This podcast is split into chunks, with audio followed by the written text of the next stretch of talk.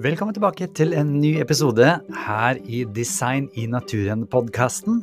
Jeg heter Chris Duve, og jeg vil bare minne deg på at du kan ta hele kurset her helt gratis med 38 forskjellige eh, informasjonsvideoer som da er lagd en podkast ut av, hvis du går inn på chrisduve.no og klikker deg inn på Design i naturen-kurset. Det finnes også et mindre kurs som heter Tre trosdyrkende fakta. Alt dette er altså gratis tilgjengelig. Men nå er det på tide med dagens episode. Vær så god.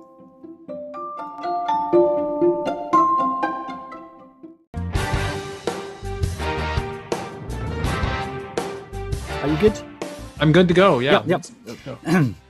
Yes, welcome back to you, Dr. Stephen Meyer, for and thank you so much for spending so much time with us here in Little Norway.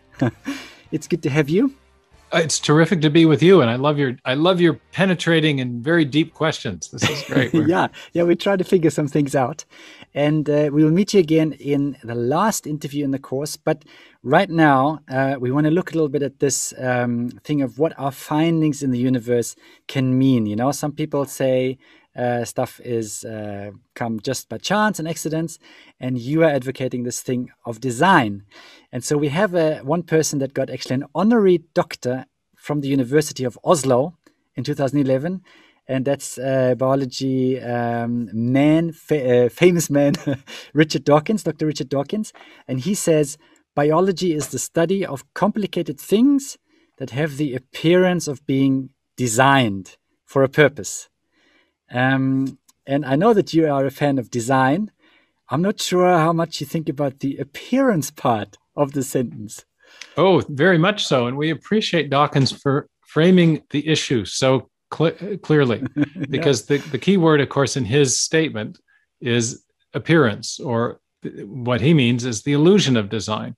That Darwinian biologists and modern neo Darwinian biologists believe that life looks as though it were designed by an intelligent agent for a purpose, but it wasn't really designed by such a, uh, an agent because there's an unguided, undirected process, namely natural selection acting on random mutations that can explain the appearance of design without itself being guided or directed in any way. Which is that And those of Mount in the- climbing, uh, Yeah, climbing right, Mount right. Improbable, I think. Yeah. Mm. Yeah he has a book on that uh, or his other concept is the blind watchmaker that there's uh, there's uh, an unguided undirected process that can produce the uh, the appearance of design or mimic uh, the activity of a designing intelligence and that's mutation and natural selection. We of course in the those of us who advocate the theory of intelligent design acknowledge that natural selection and random mutation are real processes. They have certain powers but uh, they, in my view, and the view of many of my colleagues, have limited powers. They do a nice job of explaining small scale adaptation and modification, uh, things like peppered moths uh, shifting in their coloration, or the finch beaks in the Galapagos getting a little bigger, a little smaller in response to varying weather patterns. They do not do these pro- these th- th- this mechanism of mutation and selection does not do a good job of explaining the origin of uh, major innovations in the history of life, the origin of birds or But that's where mammals you- or animals in the first place. Yeah. But then that's where you postulate uh, intelligent design. And I, uh, I've read this one. Uh, I've actually, some of the stuff I've read two or three times because I really like the way you tell the stories also. But, um, you know, some people in, in Europe at least, they would say intelligent design, it's more like creationism in a new suit. And you're kind of trying to trick us into your religious views. What, what would you say to that? Oh well, that's the. Uh, there's a better quote than that. It's uh, we're creationists in cheap tuxedos. That's the what uh, our some of our opponents say about us here in the United States. Yeah. And I get my feelings hurt over that because I paid a lot for my tu- tuxedo. You know, I. um, well, there's a difference between the theory of intelligent design and creationism. Creationism, uh, and, and two differences actually. One is in content, and one is in method. Uh, creationism is an attempt to um, interpret or make a deduction about the natural world based on the teachings of the Bible. Okay, so it's a it's a deduction from religious authority or an interpretation of religious authority. The theory of intelligent design is an inference from biological or cosmological physical evidence. Uh, we're moving from the evidence to a conclusion, not from a conclusion to the evidence. But secondly, most usually what's meant by creationism is the idea that the universe and and planet Earth uh, originated and were especially created very recently, perhaps on the order of uh, tens, uh, 10,000 10, years or something like that. Whereas um, the theory of intelligent design is an age neutral theory. It's not addressing the question of the age of the Earth or the universe, though most of us accept the great antiquity of the universe and the Earth. Um, Antiquity, that means 14 billion years. Well, I, four, four and a half billion years for the origin of the uh, planet Earth. And uh, I think the accepted date for the origin of the universe is about 13.8 billion years ago. And uh, I, I, I think I accept those dates. I think they're, they're the, the best dates we have uh, given the evidence. So, um, so um, proponents of intelligent design uh, include some people who are young Earth creationists, but um, uh, not all intelligent design proponents are young Earth creationists. Most are not. Um, okay, so and I mean, I love creationists and their passion. I mean, they and I know some people are creationists and they're just wonderful people. So I don't have anything against creationists, but um, you know, uh, intelligent design still somehow, at least in Norwegian circles, it falls into that religious group. So, so people would say, who start which sect which christian sect started intelligent design? You know how did did did you start intelligent design or how did that happen? Well intelligent design is a theory that was advanced by a number of different key figures starting in the 1980s uh, charles thaxton who uh, co-wrote a book called The Mystery of Life's Origin with uh, Roger, Roger, Olsen and Walter Bradley. Um, uh, Thaxton was a chemist, Bradley a polymer scientist, uh, uh, Olsen a geochemist. Uh, Dean Kenyon, a biophysicist, was one of the one of the leading lights in the formation of the theory of intelligent design. Dean Kenyon, or sorry, Michael Denton um, British born Australian agnostic biologist who was convinced of intelligent design, but uh, was not exactly sure whether he believed in God or not. Um, he's, I think, uh, trending in a more theistic direction from when he wrote his first major book on this called Evolution, a Theory in Crisis. So those were the first books in the 1980s. They didn't come out of Christian sects, but came out of different, uh, uh, you know, came from different scientists. Then early early leaders in the movement were people like William Dembski, the mathematician who wrote the book The Design Inference with Cambridge University Press, uh, Michael Behe, who wrote the book Darwin's Black Box. And if you just look at that group of people, you have an agnostic, you have a Catholic, you have uh, uh, an evangelical, you have people of, diff- of varying religious or non-religious views. So I think David um, Berlinski as, a, as David a, Berlinski is friendly to intelligent Jew. design. He describes himself as an agnostic Jew. Agnostic. Um, uh, yeah. And um, I'm, of course, uh, I, I, played a role in, in helping to, to formulate the theory as well, and have written books on it, and have uh, my own re- religious views that that. Uh, but the, the point is that intelligent design is a scientific theory based on scientific evidence. It's an inference from biological evidence. It does have larger uh, worldview and indeed, I think, theistic implications but um, it's based on science, scientific evidence, and it uses standard methods of scientific reasoning to come to the conclusion of design of intelligent design. I, in fact, in the books that I've written on biology, uh, Darwin's Doubt and Signature in the Cell, I use the very same method of reasoning that Charles Darwin used in The Origin of Species. It's called the method of m- multiple competing hypotheses, or the method method of uh, inferring to the best explanation. It's a standard method of reasoning that's used in the historical sciences as well as other fields such as theoretical physics. And uh, so when people want to say the theory of intelligent design isn't science, uh, if they applied any reasonable standard in in a in an in, in a in the same way across the board, they'd have to make say the same thing of Charles Darwin's theory of the origin of species because we're using the same method of reasoning that he did. We've just come to a different conclusion. We think there's evidence of real design, not just the appearance of design.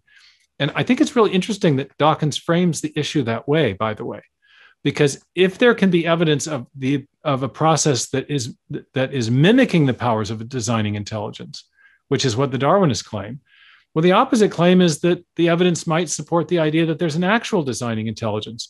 The issue is framed in a binary way. Is the evidence that we see in, in biology evidence of real design or merely apparent design?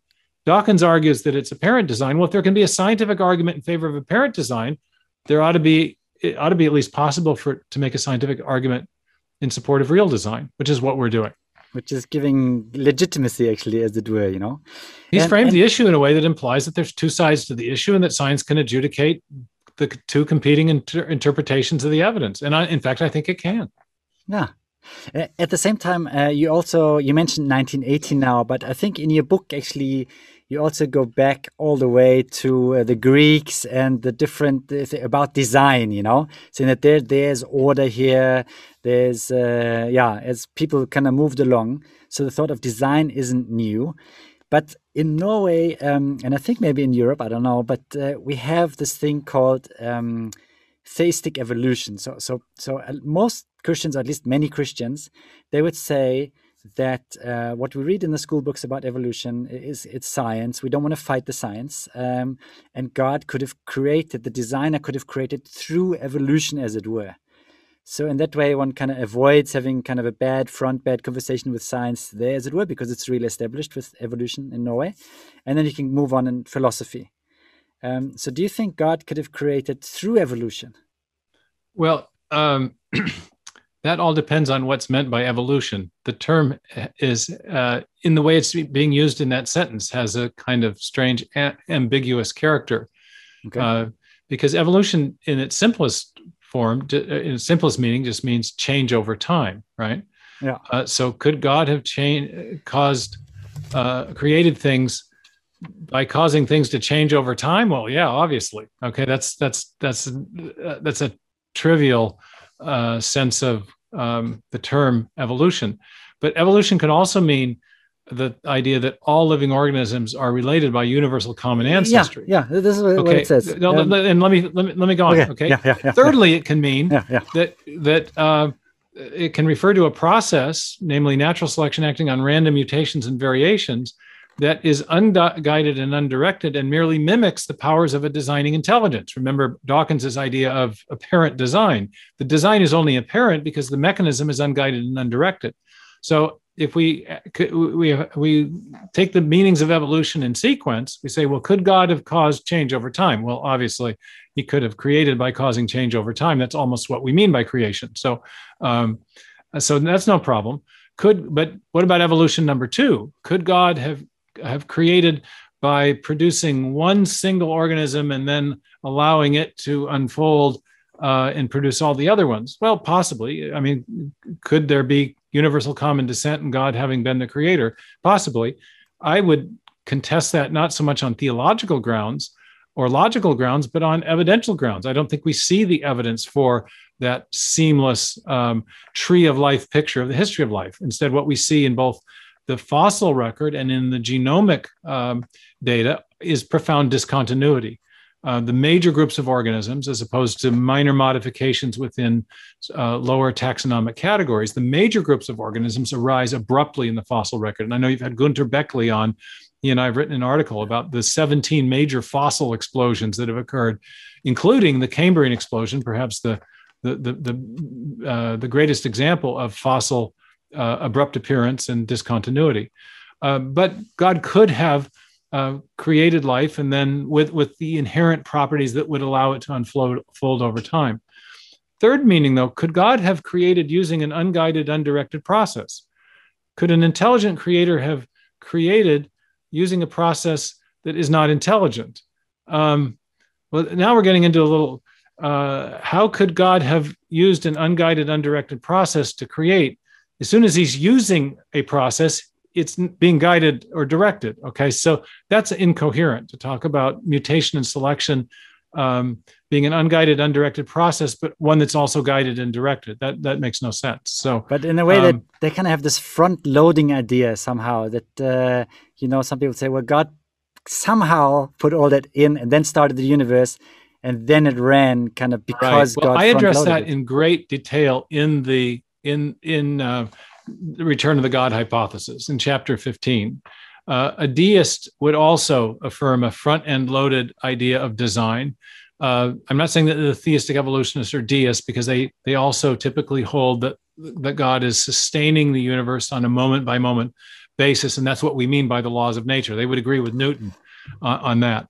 But um, the front end loaded idea suggests that all the information necessary to produce the first life and all subsequent forms of life was present from the very beginning of the universe and then unfolded according to a master plan that was uh, that was established at the beginning and that God had no further direct interaction or intervention into the into the the cosmos after that beginning point. Um, I show in the book that that's scientifically implausible. Uh, for one thing, we don't even get atoms until the universe cools enough uh, to form them out of an initial plasma state about 380,000 years after the, the beginning of the universe. The idea that we could have had biologically relevant information stored somehow in a in, in an amorphous plasma state is is implausible in the extreme. But I go into a little more detail by in the book by showing that the the information in, in to build new living systems, much of it is stored in the DNA molecule. The DNA molecule has three key subunits. It has nucleotides, or it has bases, it has sugars, and it has phosphates.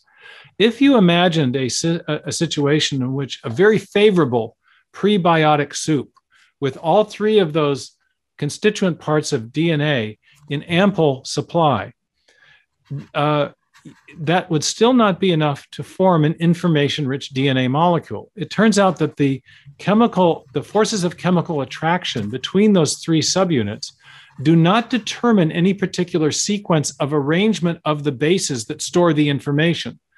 That is to say that the information does not cannot be explained by self-organizing chemical forces of attraction. And this can be this can be shown very simply just by examining what's called the structural formula for the DNA molecule. If you have all the biologically relevant subunits, the forces of attraction do not determine the arrangements that, that uh, constitute the information in the DNA.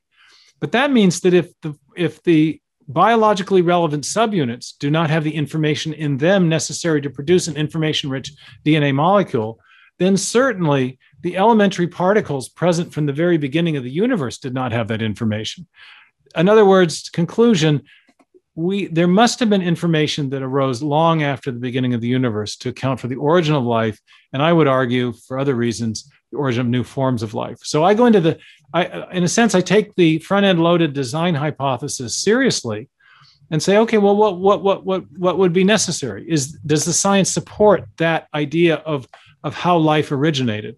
And I don't think it does for a whole bunch of reasons. I think you need inputs of information arising long after the beginning, and therefore front end loaded design doesn't work. Would you say that um, intelligent design kind of states that, uh, okay, so the universe is 14 billion years old and so on, but from the beginning and all along the line, there needs to be kind of an, an external input because but you I know what, what let me just read you short, oh, yeah, go ahead. Sorry, you wanted says, to yeah. share something. Sorry. Yeah, yeah. So the textbook says um, the universe uh, started about 13 billion years ago. Well, that's great that it started. I think uh, you have science to support that.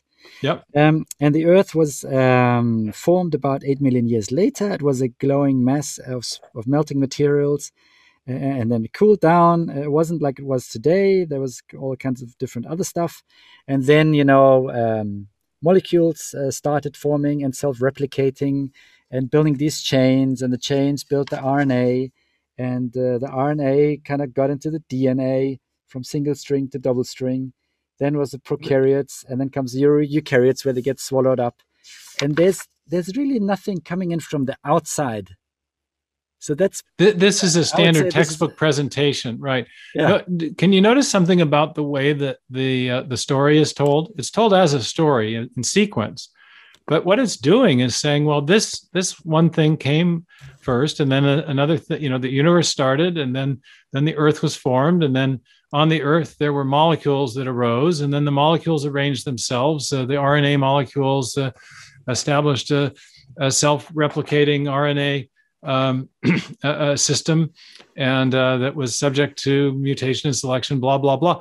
But it's committing a, a fallacy in logic known as er, post hoc ergo propter hoc it's telling the sequence of events that's roughly accurate to what we know but it's attributing the things that came before as somehow the cause of the things that came after and yet we don't know that the material states that came before um, later material states actually caused them Um, and there's all, many, many things to dispute in that little account. For example, the idea that RNA, the RNA world, is a plausible explanation of the origin of life. I have an extensive discussion of that in the new book, as well as in my first book, Signature in the Cell. It's um, the self-replicating. Me just give me one little example. Okay, the, to get the the evolutionary process started in a prebiotic context, um, origin of life researchers have proposed that RNA molecules might have uh, self-organized and then come into a particular kind of relationship with other RNA molecules so that an RNA could copy itself and then variant versions of that copied RNA would then compete for survival in a kind of quasi Darwinian process. And then gradually, more complex modes of molecular organization would arise and finally be enclosed by a cell membrane. And voila, we'd have the first simple cell. Um, well, it turns out that when scientists are working in the laboratory trying to simulate parts of the steps of this origin of life scenario called the RNA world, a crucial step is getting a self replicating RNA molecule, an RNA that can copy itself. Now, RNA contains information, it's like DNA, it has nucleotide based sequences, and it also will fold up on itself and in virtue of its folding, it can catalyze certain types of reactions. So it's similar to proteins in that respect, but not ex- it doesn't have all the capabilities that proteins have. So, does that explain how we got life without any information from an external source? Well, no, it doesn't actually. Turns out that the RNA molecules that we've been able to construct in the laboratory at present can copy no more than about 10% of themselves. Um, and then only if they have very specific arrangements of the bases, the information carrying letters on the RNA strand. And who's and the RNA, that arrangement? And yes, and the arrangements of the bases are a consequence of um, either what's called directed evolution or rational design. In other words, the the the RNA the, the RNA chemist, sometimes called a ribozyme engineer, uh, is provides the information in the molecule that is responsible for even the limited ability it has to copy parts of itself. So, what's being simulated there in these prebiotic simulation experiments? Again, I would argue that what's being simulated is the need for intelligence to generate information to get biologically relevant function.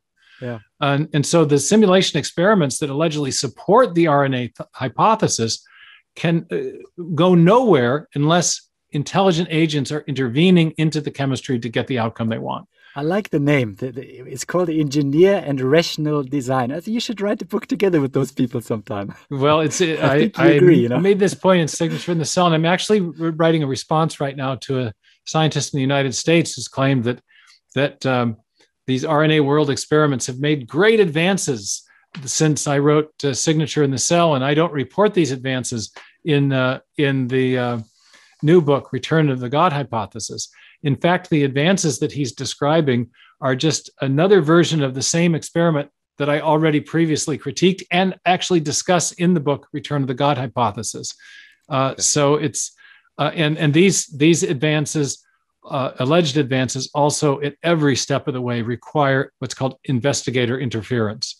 I think uh, James so, James Tour also he is saying that every year we discover more about life and how complicated it is, the more we actually move away from the explanations that we have. It's so, a, a, a, he's absolutely right about that, and and his critique of many of these prebiotic simulation experiments is precisely that the experimenter is doing all the important work. You start with um, with purified reagents. You introduce different chemical substances into your experiment at exactly at a predetermined time in the exact proportional relations to each other. You heat them up to certain temperatures, cool them off. You remove the byproducts so you don't get interfering cross reactions.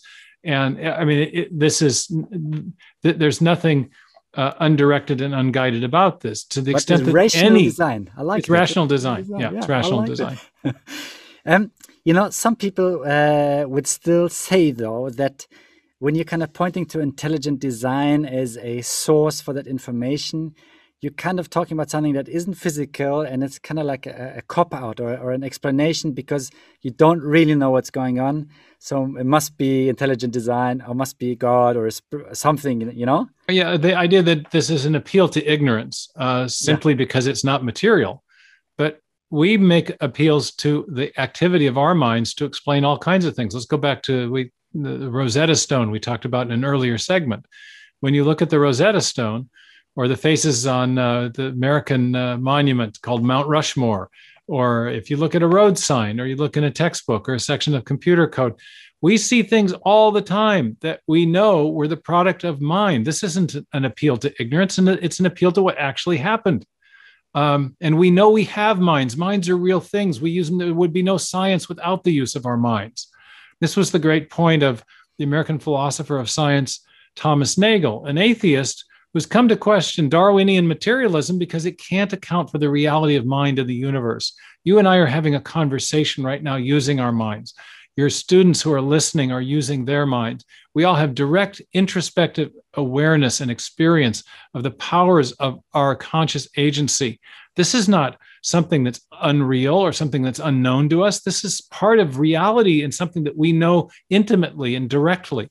So, an appeal to intelligence is not necessarily an appeal to ignorance. Moreover, in the arguments that we're making about intelligent design, we are not making a classical argument from ignorance or a gaps argument. We're not saying, well, uh, the RNA world and other undirected chemical evolutionary processes have, are not capable of generating the information necessary to produce the first life. Therefore, it must have been intelligently designed.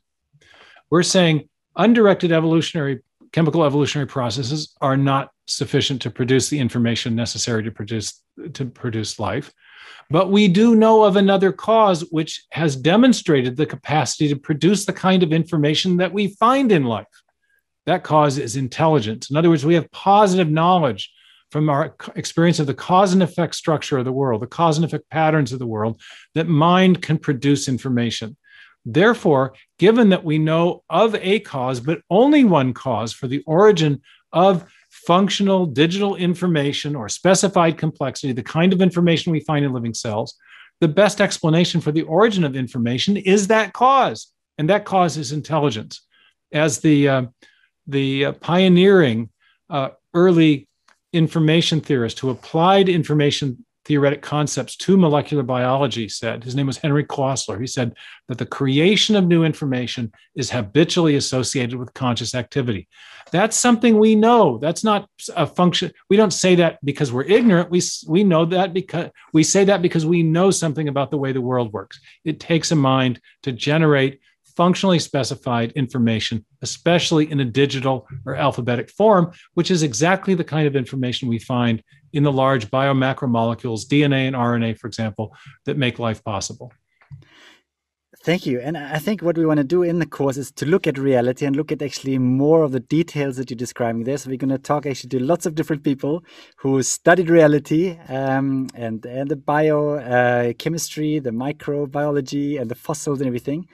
And then we'll speak to you again at the end of the course, actually, about your conclusions that you also have in, in the God hypothesis. But uh, let, let me interject one last thing yeah, on that yeah, point yeah. of reality. M- materialism is a philosophy, sometimes also called naturalism, which affirms that only matter and energy are the matter and energy are the fundamentally real things from which everything else comes. Materialism has a truncated view of reality. What's truncated? I'm not sure. Limiting. It's, limiting. It's, it has a limited. It has blinders on. It only sees matter and energy. It doesn't see mind. It doesn't. 19th century materialism said matter and energy can explain everything, but we now know there's a third fundamental aspect of biological reality, of the reality in the cosmos, and that reality is information. And in our experience, information arises from one and only one source, and that's a mind. So if you have a worldview that says that mind is a mere epiphenomenon atop matter, and you can't really explain what it is or where it came from, you have a limited view of reality. And I think theism is a better worldview because it takes into account the, the reality of mind and the evidence we have for the activity of mind from the very beginning of the universe and at the point of the origin of life as well. Plus, I mean, if you don't think you have a mind, why should you write a book about it? Well, right, and there are materialist attempts to explain the Okay. origin and nature Yeah. of consciousness. They would, Yeah. you know, they w- would try to explain it as a epiphenomenon on top of uh, a material substrate. But those are other, those are deep questions, and and I think those explanations have their own problems. Let's close with the quote that I think I don't remember, but that uh, guy Thomas Nagel. What was the name of that one paper that you wrote recently? Well, his book was called uh, Mind and Cosmos Why the Neo Darwinian Materialist View of Reality is Almost Certainly False. okay, well, we're going to check that out and look into reality, and then we'll see you again in the last session. Thank you so much.